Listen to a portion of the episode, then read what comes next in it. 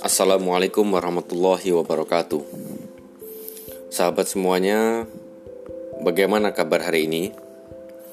Semoga selalu Allah sehatkan di tengah pandemi COVID-19 yang tak kunjung usai. Dan semoga kita berdoa bersama-sama, semoga segera pandemi ini cepat berakhir dan bisa beraktivitas normal seperti sebelum-sebelumnya. Teman-teman sekalian, apa yang terpikir ketika kata gagal tercantum dalam pikiran kita?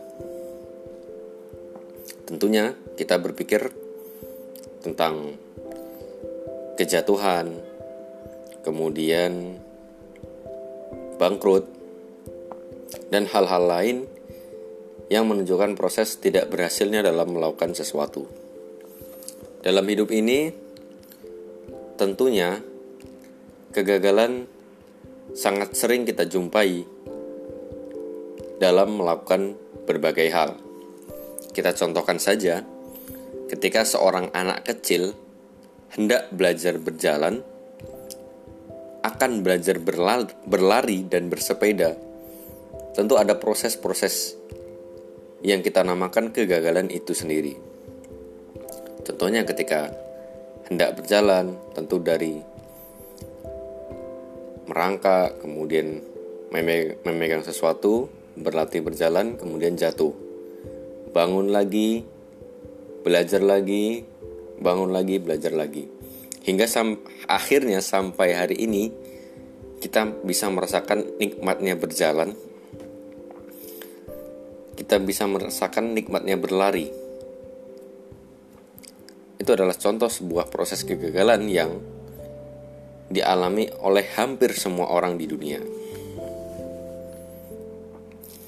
Kemudian, para tokoh-tokoh besar kita sebut misalkan Thomas Alva Edison, seorang penempuh lampu pijar yang sampai hari ini kita nikmati hasil temuannya itu juga pernah merasakan proses kegagalan.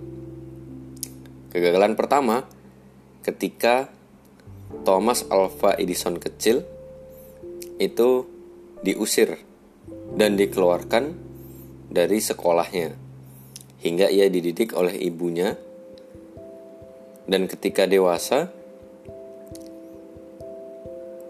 akan menciptakan sebuah inovasi yaitu berupa lampu pijar Thomas Alva Edison mengalami paling tidak ada 900-an kali kegagalan. Dalam literatur yang lain, saya tidak tahu, saya tidak ingat persis angkanya. Itu mencapai 9 ribuan kali kegagalan.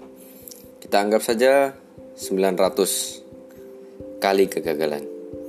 Bayangkan jika seorang Thomas Alva Edison menyerah pada percobaan pertama, percobaan ke-10, ke-50, ke-100. Apa yang akan terjadi? Mungkin bola lampu pijar tidak akan ditemukan oleh seorang Thomas Alva Edison. Bisa jadi belum ditemukan atau ditemukan oleh orang lain yang tidak menyerah atas usaha yang dilakukannya. Contoh yang lain adalah seorang tokoh muslim bernama Muhammad Al-Fatih dalam menaklukkan Konstantinopel atau yang sekarang dikenal dengan Istanbul. Sultan Muhammad Al-Fatih dalam satu bulan penaklukan belum ada tanda-tanda kemenangan. Hingga akhirnya pada suatu ketika dia menemukan sebuah cara yang inovatif untuk menjebol benteng dari Konstantinopel hingga akhirnya dapat ditaklukkan. Begitulah para tokoh-tokoh dunia mengubah persepsinya tentang kegagalan dan melakukan sikap yang berbeda atas kegagalan itu. Sehingga dengan kerja kerasnya, dengan cara-cara yang inovatifnya, tentu kegagalan itu bisa disikapi hingga berbuah keberhasilan yang dirindukan oleh setiap orang.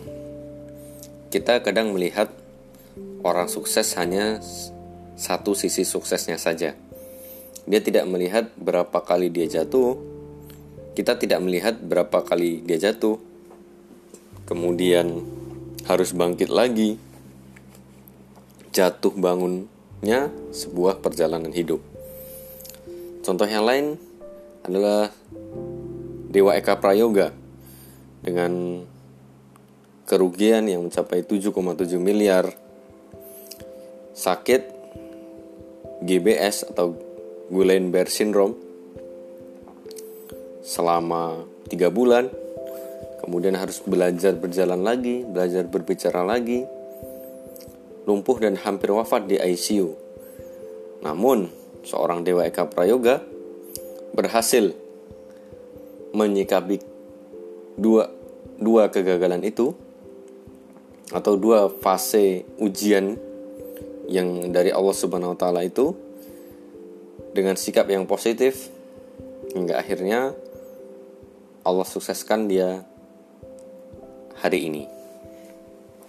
Teman-teman sekalian, jika saat ini sedang mengalami kegagalan, saat saat ini mungkin ada seorang mahasiswa yang nilainya jelek ataupun belum lulus di suatu mata kuliah atau seorang fresh graduate yang tak kunjung mendapat pekerjaan ataupun seorang pengusaha yang usahanya bangkrut.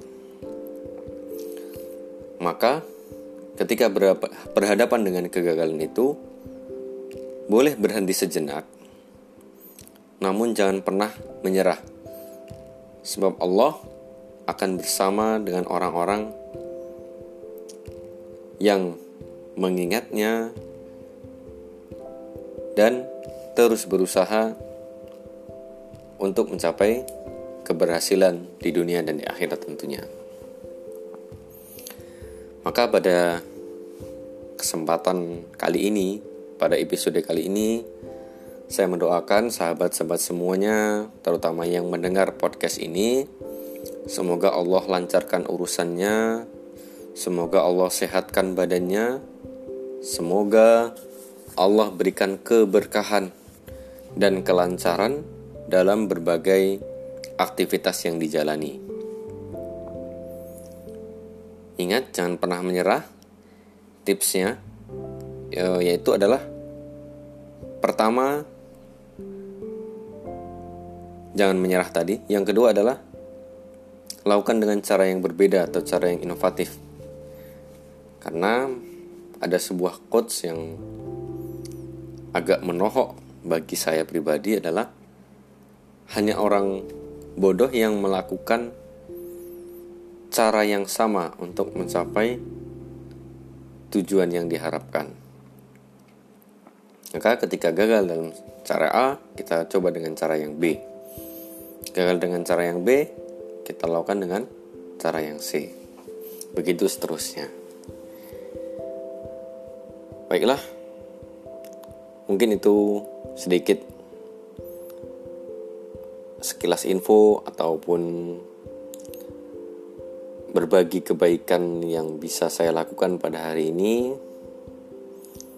Semoga bermanfaat bagi sahabat semuanya, terlebih bagi saya pribadi, dan semoga ini menjadi pengingat juga bagi saya pribadi untuk tidak mudah menyerah dalam berbagai hal. Sekian. Subhanakallahumma wa bihamdika asyhadu an la ilaha illa anta astaghfiruka wa atubu ilaik. Assalamualaikum warahmatullahi wabarakatuh.